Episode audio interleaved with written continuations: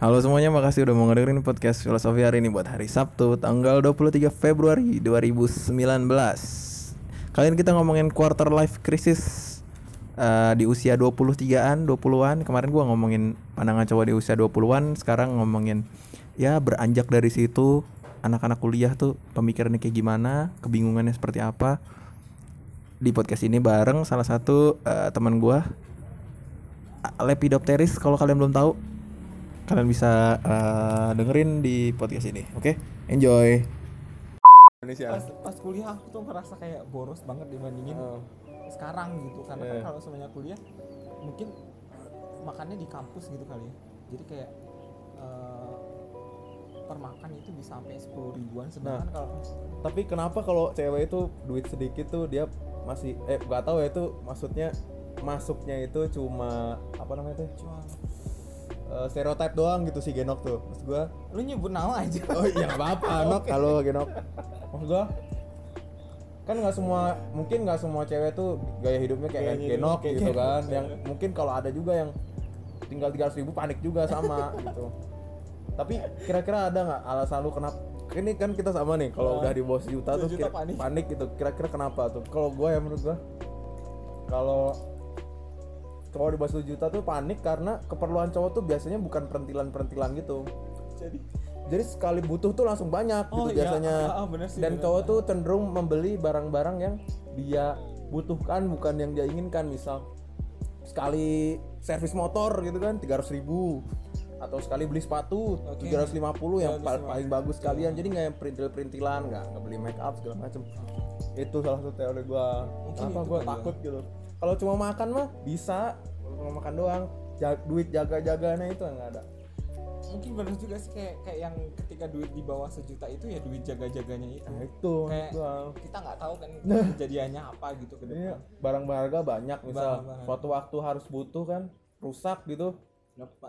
kayak laptop kayak kemarin Nah. aku laptop udah udah berapa kali servis Nah. parah banget sih Motor segala macam. karena aku nggak pakai motor jadi nggak dihitung Tapi kalau lulusan lulusan fresh graduate gini normal gak sih kalau misal tabungan di bawah normal sih bawah sejuta deh. normal Sembarangan. Bingung tabungan di bawah sejuta itu normal Terus di- di fase-fase quarter life crisis gini-gini kan. Hmm. Kita tuh udah menyelesaikan tanggung jawab lah hitungannya menyelesaikan tanggung jawab orang tua dari orang tua. Ini anakku, kamu saya tugaskan untuk kuliah. Sekarang udah nggak ada tanggung jawab ke orang tua, maksudnya dalam hal kuliah. Hmm. Inilah saatnya uh, orang-orang di umur 23-an gini bisa memilih dia tuh mau kerja langsung atau ya kerja yang sesuai passion, as- kerja nggak sesuai passion atau emang nggak kerja gelutin passion doang gitu kan. oh, Nah di situlah quarter life crisis menurut gua. Nah, menurut lu apa yang harus didahulukan gitu?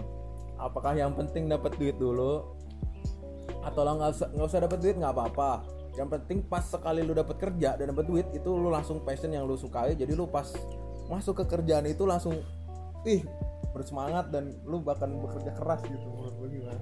kayaknya kalau untuk dua pilihan terakhir itu nggak mungkin untuk fresh graduate jadi kayaknya kalau yang dipikirin uh, fresh graduate itu ya udah ketika lo keluar uh, kan uh, peluang untuk dapat kerja kecil ya Hmm. nah itu kayaknya uh, ya what what apa namanya lu ngelakuin apa deh yang penting bisa ngasilin duit Hmm. asal jangan nyabe aja gitu. Tapi jadi kan- kayaknya kayaknya penting penting nyari duitnya dulu gitu Oh. ya Ya, what ya, lewat jalan apa orang gitu. juga sih. Iya, tega- iya sebenarnya. Terus sama kemampuan finansial orang tua misalkan Ya. kalau orang tuanya kaya, ini misalnya berandai-andai orang tua lu kaya gitu, lu mengejar passion dulu atau lu mau mandiri aja udah. kayaknya kalau aku mau ngejar passion deh Jadi Tapi- tetap minta duit bulanan kalau. Enggak, aku udah aku kayaknya enggak enggak minta duit bulanan kalau bisa gitu. Kalau bisa ya. Mm. Soalnya kan aku kuliah udah eh, beasiswa, terus aku tuh udah nggak dikirimin duit sama ibu- orang tua lah. Itu tuh dari eh, September 2018. Mm. Jadi ya sekarang Udah hidup mandiri dari ya. duit dia dari duit beasiswa. Terus ke- kemarin kebetulan ada yang nawarin something gitu. Jadi Mm. ada rezeki aja. Mm. Itu udah masuk passion belum? Eh, belum. Belum ya. Passion tetap kupu-kupu dong, Pak. Oh iya iya iya iya. Penangkaran kupu-kupu. Oke oke. Tapi eh, stay with it maksudnya masih progres ya di Masih, situ. masih. ya. berarti tetap cari duit tetap cari passion duit tetap passion jalan oh berarti ini bukan mata pencarian utama kan maksudnya Ah. ini dalam rangka untuk mengejar passion dan mencukupi kebutuhan nah sehari-hari iya gitu kayak gitu jadi kalau Hmm. kalau kalau bener-bener apa sih namanya ngadepin passion langsung tanpa mikirin yang lain kayak emang passion bisa ngasih lu makan enggak juga ya banyakan sih enggak ya hmm, banyak kan enggak what else kecuali passion lu kayak mungkin ke ngegambar ngevlog yang bisa Hmm, di ya gitu iya. yang yang lu bikin desain itu kan bisa kalau misalnya passionnya kayak gue yang yang begitu ya kan agak Lepidopteris, ya wes. kan ag- agak susah gitu. eh yang nggak nggak tahu lepidopteris itu jelasin jelasin Lepidopteris.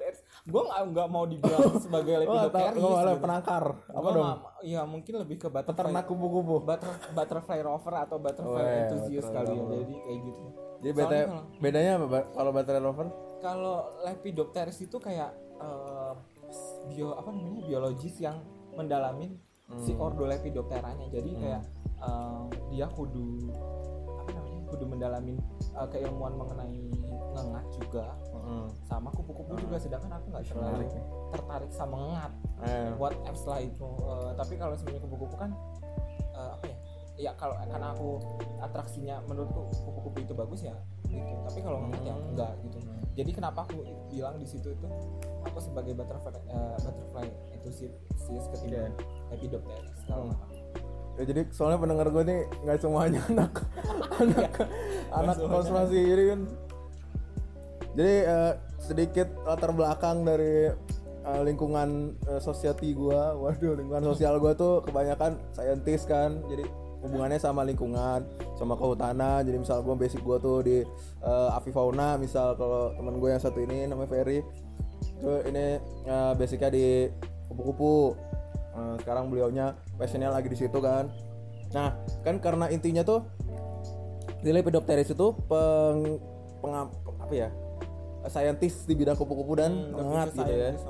Nah, ini kan gue mau bahas sebenarnya eh, pengennya sih intinya tuh quarter life crisis tadi. Jadi kita bikin asumsi atau eh, kasus-kasus kasus apa? Contoh kasusnya di lu nih. Hmm. Nah sekarang lu udah lulus dan eh, sedang itu tadi berarti posisinya nyari duit bukan dari passion Mm-mm. dan ka- karena eh, masih ngejar passion. Jadi cara lu ngejar passionnya tuh dengan untuk jalan sampai sana lu nyari duit dari hal-hal yang nggak passion jadi. Tapi Iya. kan gini ada juga orang yang memilih untuk passion gue tinggal nanti kalau gue udah punya persiapan yang cukup gitu. Misal misal nih ya passionnya di hmm, misal Hmm. Uh, misalkan doang nih misal gue pengennya kerjanya di uh, KLHK gitu atau Iya. atau bagian yang Kementerian Lingkungan Hidup Kehutanan. Nah gue sebelum masuk sebagai pegawai negeri sipil misal ya udah gue nggak mau ngejar PNS dulu gitu. Tapi? Tapi gue nyari duit dulu yang banyak yang gede di hal lain misal sawit dulu. Oh, oke. Gitu gitu kalau PNS nggak juga sih. Apa ya misal passion gua eh jadi penulis novel gitu oke nah gua nggak langsung nulis novel kan karena nulis novel kan butuh waktu Iya. dan nggak bisa dapat duit nah Ah. gua tinggalin nulis novel sama sekali buat kerja di sawit gitu dan karena di sawit tuh nggak bisa di sambi apa-apa iya nggak gitu. bisa disambil apa-apa nah itu menurut lu gimana yang nggak masalah kalau kalau emang seperti itu gitu Hmm. Eh, toh yang namanya kalau kalau aku ya kalau aku nggak takut passionnya nanti luntur gitu? enggak enggak enggak kalau aku enggak enggak enggak enggak luntur karena gini yang namanya passion itu ya kan kalau semuanya saya karena karena tadi butterfly lover itu tuh masih masih bisa dicari di internet Hmm. masih bisa dengan dengan apa ya kayak mu- mungkin anda mengikuti uh, feed Instagramnya siapa gitu Hmm. De- nah dengan melihat itu kan anda bisa me, apa ya merefresh kembali gitu oh oh, Oh, mereka iya, dapat iya. ini Oh, nih, dirangsang mereka terus ya? iya jadi kayak Iya, iya, iya, kayak iya. gitu jadi kalau semuanya uh, itu ya nggak harus menurut saya itu dengan mengikuti feed feed Instagram yang berbau sesuatu yang anda sukai itu tuh Hmm. Iya, adalah iya, bagian iya, dari iya, passion anda gitu meskipun anda Benar, benar. dalam pekerjaan yang anda tekunin sekarang itu tidak berkenaan sama Passionnya. passionnya Iya, gitu iya, iya. dan kalau semuanya misal anda passionnya itu tadi adalah penulis novel. Uh, terus anda bekerja di sekarang itu di uh, sawit mungkin Hmm. ketika sudah keluar atau mungkin anda malah sukses di sawit anda bisa membuat novel membuat cerita Ah. yang tentang sebetulnya sawit itu bagaimana Oh, Nah, kan iya. selama ini sawit dicap jelek sedangkan Hmm. saya lahir saya besar saya hidup dari sawit Mm. orang tua saya juga punya kebun sawit Hmm. saya tidak anti sawit sebetulnya Mm. cuman menurut saya karena passion saya passion saya bukan di sawit ya ya yang enggak gitu maksudnya Hmm. saya saya tidak tidak memilih tapi kalau misalnya ditawarin di situ ya nggak masalah gitu toh saya udah udah pernah ikut di kebun sawit saya tahu sawit itu seperti apa saya tahu problematika Hmm. di sawit itu seperti apa menurut yang yang di kebun kebun orang tua saya jadi ya Hmm. Tapi kan ada juga yang misal pas kerja di non passion lo hmm, terikat kontrak gitu kan. Sawit kan biasa kan terikat kontrak berapa berapa tahun berapa gitu tahun? lama. Iya. Dan katanya juga sih nggak tahu juga gua. Keluarnya susah. Gak cuma sawit mungkin ada perusahaan lain yang keluarnya Iya, susah gitu. susah. Nah, kalau kita terus dirangsang untuk tetap inget passion kita gitu, gimana menurut kesiksa nggak gitu maksudnya? enggak enggak enggak sih kalau aku karena kalau semuanya butterfly uh, lover itu masih bisa gini apa namanya ibaratnya kalian itu masih bisa menghidupkan passion kalian itu nggak cuman uh, dari apa sih namanya ibaratnya itu nggak cuma dari lihat ya dari feed Instagram kayak Hmm. mungkin kalian bisa uh, apa kalau misal punya rumah atau punya kosan itu tuh di Kayak one side salah satu set Iya, rumah lu tuh isinya. rumah isinya iya. itu bisa dikasih uh, apa namanya tumbuhan berbunga atau tumbuhan yang Hmm. menarik uh, apa namanya kupu-kupu buat bertelur di situ Hmm. dan ya gitu Oh, jadi berarti gimana cara pinternya kita ya, ngakalinnya pinter-pinternya gitu ya? ngakalin aja biar passion kalian itu tetap hidup mungkin Oh. mungkin kalian kalau saya penulis meluangkan waktu satu jam untuk Hmm. menulis mungkin Ya, ya, kayak gitu atau mulai bikin uh, blog atau apa itu kan juga bisa gitu Iya, iya. dan tersalurkan gitu ya Hmm. Bisa. Jadi gimana cara pinter? Sebenarnya goalsnya gini ya. aja. Goalsnya tuh biar kita tahu apakah orang itu kalau pengen nge- ngejar passion ya Hmm. itu harus ngubur dulu atau enggak gitu. Enggak, enggak Harus malah justru harus di ini terus ya, dirangsang terus walaupun harus dikit-dikit. dirangsang terus nggak nggak jangan jangan sampai eh, mati deh pernah suatu ketika em, saya passionnya itu di tempat lain cuman Hmm. karena satu dan lain, lain hal hal tersebut itu membuat saya eh, putus asa dan kayak oh oke mungkin saya agak kurang layak untuk di eh, something di situ dan orang lain lebih layak dari situ. Jadi saya eh, ya gitu. Tapi karena yang namanya passion karena selain selain kupu-kupu saya juga passionnya itu di flora. Hmm. ketika saya eh, merasa saya sudah di- tidak dibutuhkan lagi di sana gitu saya merasa apa namanya eh, oh ya udahlah ya mungkin flora itu bukan jalan saya. Tapi ternyata di kupu-kupu itu masih membutuhkan flora. Jadi ya seperti Hmm. seperti gimana ya saya saya harus berkutat lagi sama flora gitu. Saya mau harus belajar lagi flora gitu. Jadi iya jadi, jadi kalau semuanya mengubur mengubur passion yang yang tidak sampai itu kayaknya enggak sih. Karena yang namanya passion itu uh, akan selalu ada bar- bareng anda gitu kalau kata saya ya. Iya, udah, ah, benar. Jadi seorang takut juga ngelangkah buat yang kayak oh gue takut nih kan eh maksud maksud gue kan kayak orang anak yang baru lulus dari kuliah itu kan wah baru wah bisa gue Iya. bisa ber gue bisa bebas nih dari segala tuntutan Dari- sosial gitu Iya, kan. dan saat dia harus masuk ke suatu perusahaan yang kontrak segala macam tuh aduh gimana nih gue nggak nggak mau nggak bisa ambil tapi kalau nggak gue ambil juga nggak bisa hidup. gitu maksud gue itu berarti tetap harus sebenarnya bisa aja ya Bisa. masuk aja. Cuma tetap dirangsang terus passionnya gitu. Hmm, kayak gitu nah itu maksud gue quarter life crisis tuh kebanyakan sih di situ juga. Kan ada banyak pilihan juga sih sebenarnya yang yang ada di sekitar kita lah gampang. Contohnya misal langsung lanjut kerja kah? Hmm. atau eh, S2 kah? Atau nikah kah? Gitu kan Oh iya dong, banyak mbak. Eh, anda jangan ketawa anda. Ya memang banyak seperti itu. Lu, ketawa kenapa nih? Gak alasannya. soalnya nikah, nikah belum berencana untuk saya lima tahun ke depan makanya saya Oh. ketawa Loh, tapi kan ada juga Tapi dong. ada, tapi ada, Siapa tahu ada. orang tua finansialnya Iya, cukup benar, benar, gitu benar. kan. Karena dia udah punya link ke orang tua, ya bisa oke Tapi kalau lu gimana kalau misal lu nih berandai-andai lagi nih kita.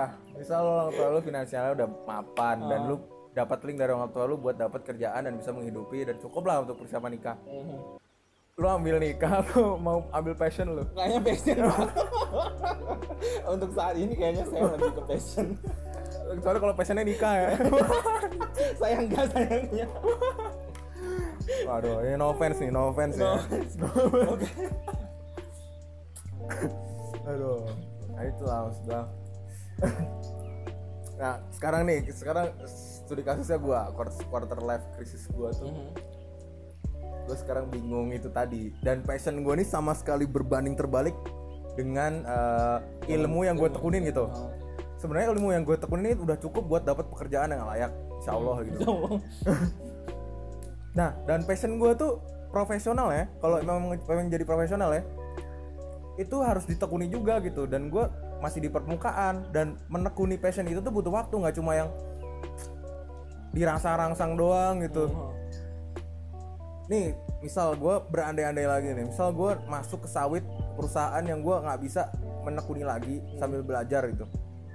Misal eh, misal penulis naskah skenario film gitu gue harus ikut workshop segala macam sedangkan itu Oke. nggak bisa. Nah itu gimana menurut pandangan lo gue harus pertimbangkan yang mana dulu ini ya urutannya ya dari mulai kehidupan sehari-hari kah yang harus dicukupi atau passion juga harus tetap diraih atau dikubur aja kalau yang lu tadi Enggak. Ah, terus oke. atau ya kalau bisa kerja langsung sambil sambil di Sambil passionnya gitu sama Nah, passion. itu gua. Kalau saya karena passionnya itu lebih gimana ya pak? Lebih kayak praktis dan tidak terlalu eh, menghambat dari eh, urusan pekerjaan. Kecuali kalau pekerjaan saya penangkar kupu-kupu baru mungkin agak terganggu. Heeh. Kalau soalnya eh, buat teman-teman yang mungkin passionnya lebih kayak tadi eh, dia dia dia ditawarin sebagai apa namanya eh, untuk bekerja di sawit, sedangkan passionnya dia di eh, apa malah kayak soalnya di mungkin di tadi itu kayak kayak apa penulis cerita Heeh, terus atau skrip no, Uh, uh, uh, skrip atau film yang, yang di apa sinematografi atau apa Hmm. segala macam Hmm. itu tuh uh, gimana ya aku agak bingung juga sih lebih tepatnya mungkin kayak uh, ketika anda memutuskan untuk memilih pekerjaan Hmm. Ada ada lebih baiknya mungkin untuk menekuni pekerjaan itu dulu Hmm.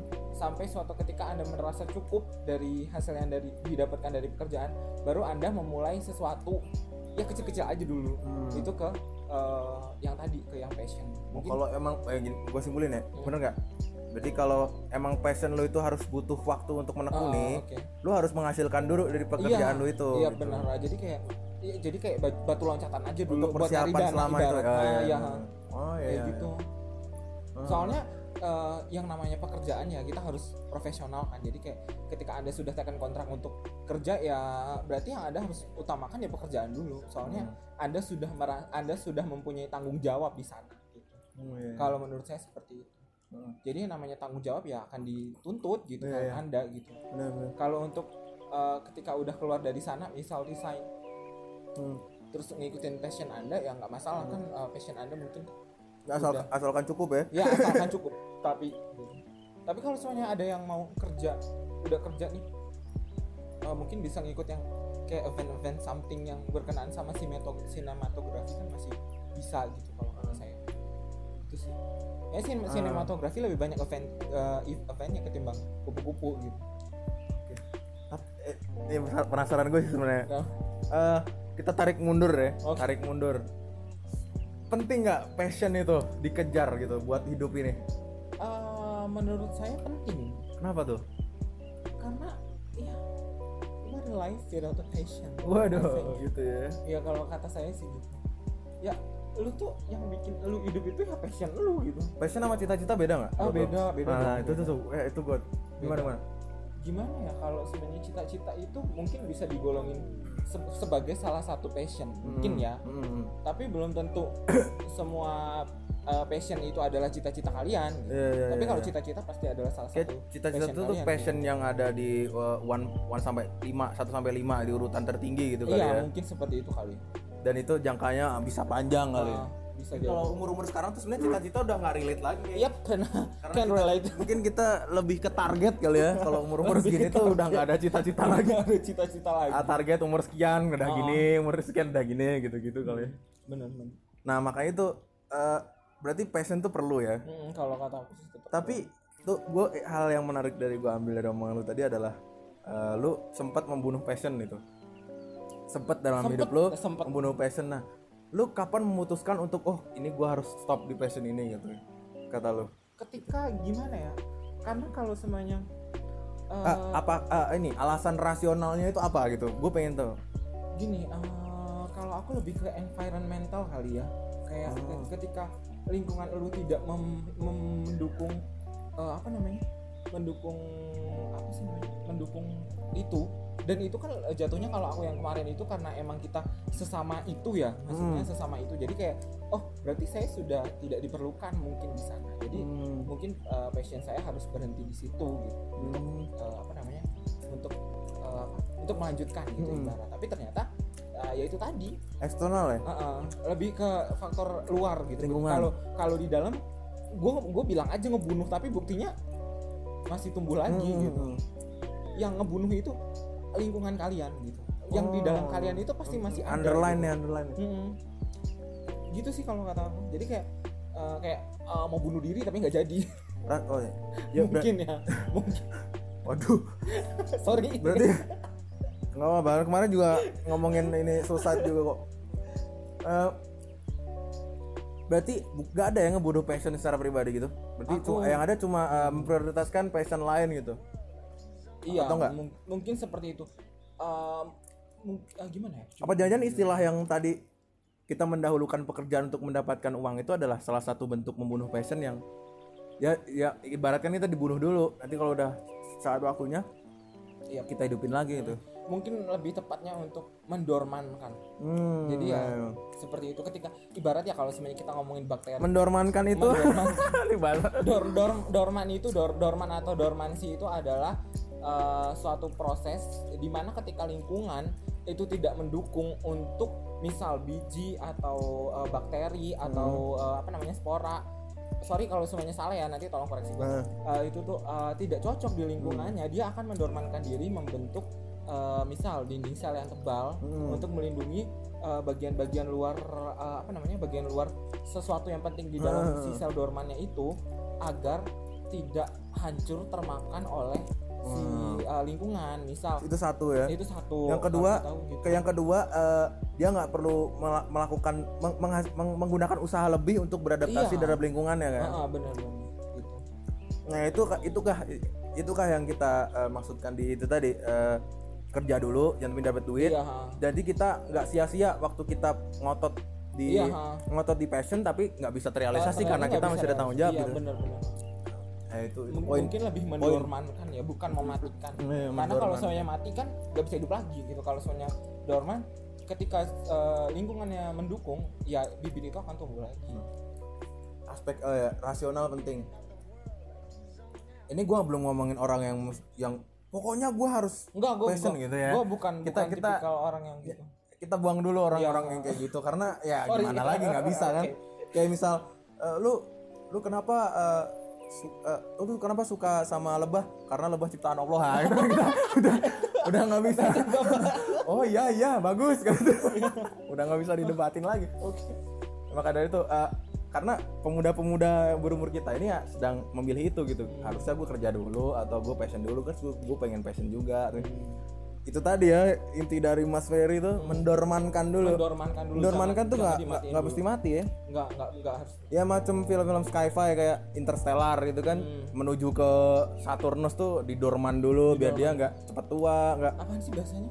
Apa namanya gue lupa gue sleep. lagi. ah apa namanya gue pakai gas gitu something ya pokoknya long sleep gitu lah long sleep. yang dia itu tadi pakai nitro, mendormankan nitrogen kalau nggak salah. Oh, gitu. Kayaknya pakai nitrogen. Nggak tahu gue iya iya benar pakai nitrogen. Pokoknya ya, itu fungsinya biar sel-sel kita tuh nggak perlu ngeluarin tenaga lebih banyak Hmm. gitu kan. Terus nggak rusak oleh eh, waktu ruang dan waktu Iya. kan. Walaupun gua nggak tahu itu sebenarnya bisa di itu real ada emang ada yang kayak gitu nggak tahu gua. Atau enggak passion kita didormankan gitu ya. Bagus bagus. Tapi mungkin gak sih suatu waktu kalau kita udah eh, menekuni hal yang pekerjaan itu ternyata passion kita hilang gitu kalau kata saya itu passion nggak bisa hilang hmm. kalau kata saya ya hmm. nggak bakal bisa hilang kan saya tadi udah bilang Ya, ketika- dorman tadi ya. iya ketika Hmm. ketika lingkungannya udah cocok ya balik lagi Bisa suatu waktu ya. Hmm, bisa suatu waktu Tinggal ada yang ngebuahinnya itu kalau nggak Oh. mimicu. ya siram alkohol ya. Hmm, Siram apa? Oke oke. Bagus bagus. Quarter life crisis apa yang rule tuh di otak lu quarter life crisis? life crisis Apa sekarang lu udah mulai merasakan gunjang ganjing Yap, gitu kan? eh, udah pasti itu jelas untuk orang-orang yang eh, baru keluar dari ini ya Hmm. universitas gitu. Hmm. Kan kita masih tadi bingung mau ke mana itu itu pasti uh, kejadian di saya Hmm. Sebelum bingung mau ke mana nih? Selama lu pilih ada target yang harusnya lu capai tapi nggak kecapai nggak? target yang seharusnya dicapai tapi nggak kecapai apa ya? misal eh, pertukaran pelajar ke New Zealand gitu atau enggak apa? sih nggak yang tipikal yang Apa? kayak gitu dulu Nggak ada nih. eh, ini sih eh, dulu pengen ikut agria suara nggak jadi Agres. Ayo, Ini semua. Siapa? Ini pendengar saya tidak tahu agres suara, Jadi agria suara Bapak. itu adalah salah satu paduan, Paduan suara suara, kampus. yang ada di kampus IPB gitu. Ya, ikut paduan suara. Saya tidak kuat dengan bapak-bapak. Oh, itu passion juga nggak itu? Itu passion Oh, juga. didormankan gitu, juga. Didormankan. Suatu waktu ntar kalau Kalau padus kayaknya saya dormanin dulu. Kalau nyanyi di toilet masih. Oh iya iya. Kayak yang meme-meme di Instagram tuh kalau di toilet tuh langsung bagus Oh soalnya iya. dua orang. Ya itu bener. gitu sih lebih lebih ke kayak gitu. Iya, iya. Kalau semuanya negara kayaknya dulu nggak ada pengen, pengen pas uh, udah kuliah gitu keluar negara kayaknya. S2 S2 nggak mau S2? Oh S2 pengen dong, tetap tapi uh, kalau saya uh, saya nggak nggak pengen membebankan orang tua saya dengan uh, membayar Hmm, biaya pendidikan LPDP saya. berarti? Ya nggak tahu mungkin Hmm. dapatnya apa misalnya. Apa tuh? Jurusan apa?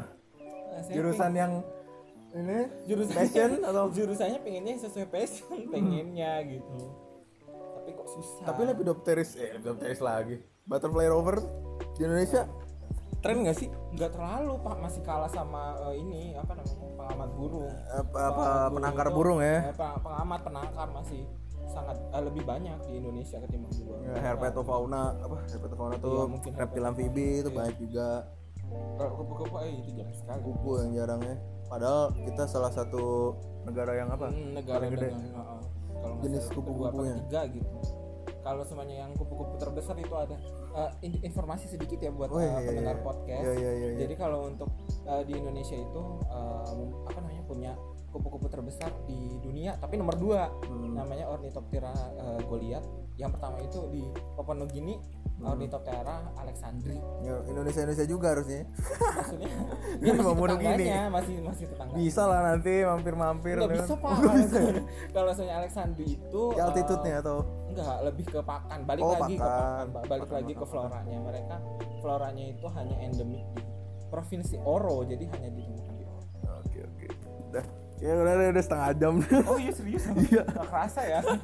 Udah a- agak mikir ya podcast podcast yang sekarang dibumbui agar kalian menjadi lebih pintar lebih tahu terhadap lingkungan tahu terhadap alam dan hewan-hewan yang ada di Indonesia. Yo, oke ah, thanks for having Eh, me. eh, thank you Thanks buat eh siapa? Ah, Ferry. Eh, makasih. Eh dah gue baca